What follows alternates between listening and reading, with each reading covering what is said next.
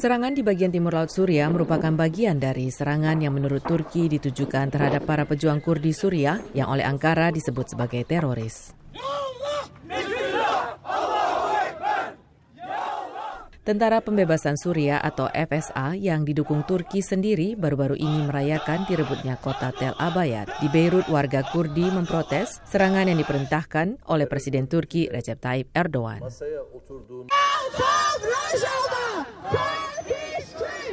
Protes serupa berlangsung di London. Sementara itu, warga Kurdi di Suria berkabung atas kematian tiga dari sembilan warga sipil yang mereka katakan telah dieksekusi oleh pemberontak dukungan Turki. Senator Lindsey Graham dari fraksi Republik mengkritik Trump karena meninggalkan pejuang Kurdi yang memerangi ISIS. Seorang pejabat pemerintah mengatakan situasi di sana rumit karena Turki maupun Kurdi sama-sama sekutu Amerika Serikat. Menteri Keuangan Stephen Mnuchin dalam acara televisi ABC This Week mengemukakan. You have a NATO ally on one hand fighting against the Kurds who were helping us with the fight against ISIS. We are in daily communications with Turkey, uh, both at the Defense Department, the State Department, uh, on very specific issues. Kita punya sekutu NATO, Turki di satu tangan yang memerangi Kurdi yang membantu kita dalam perang melawan ISIS. Kami berkomunikasi setiap hari dengan Turki, baik Departemen Pertahanan maupun Departemen Luar Negeri mengenai isu-isu yang sangat spesifik. Kami siap dengan pemberitahuan dalam waktu singkat untuk memperlakukan sanksi-sanksi.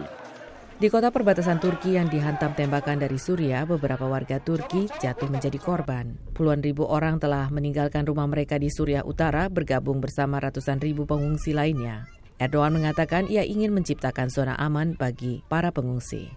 Trump mengatakan ancaman sanksi-sanksi terhadap Turki dapat berjalan efektif. Fraksi Demokrat di Kongres mengkritik cara Trump menangani krisis di kawasan tersebut. Senator Bernie Sanders, salah seorang kandidat calon presiden dari Partai Demokrat, mengatakan dalam acara televisi ABC This Week. Now, what does it say to the entire world that you have a president who gets off the phone with Erdogan of Turkey and then sends out a tweet that says, oh, by the way, we're deserting these people who have put their lives on the line to work with us in fighting against some of the worst terrorists in the world. Sends a message to the entire world, you cannot trust the United States of America.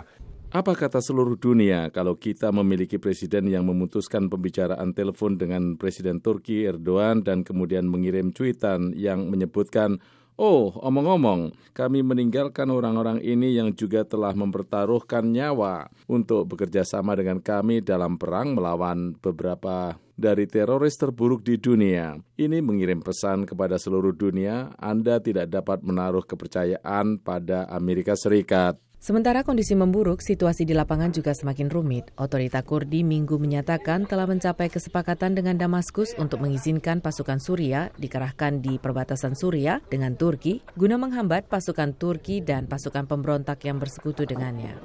Metri Nikyopani, Voice of America, Washington DC.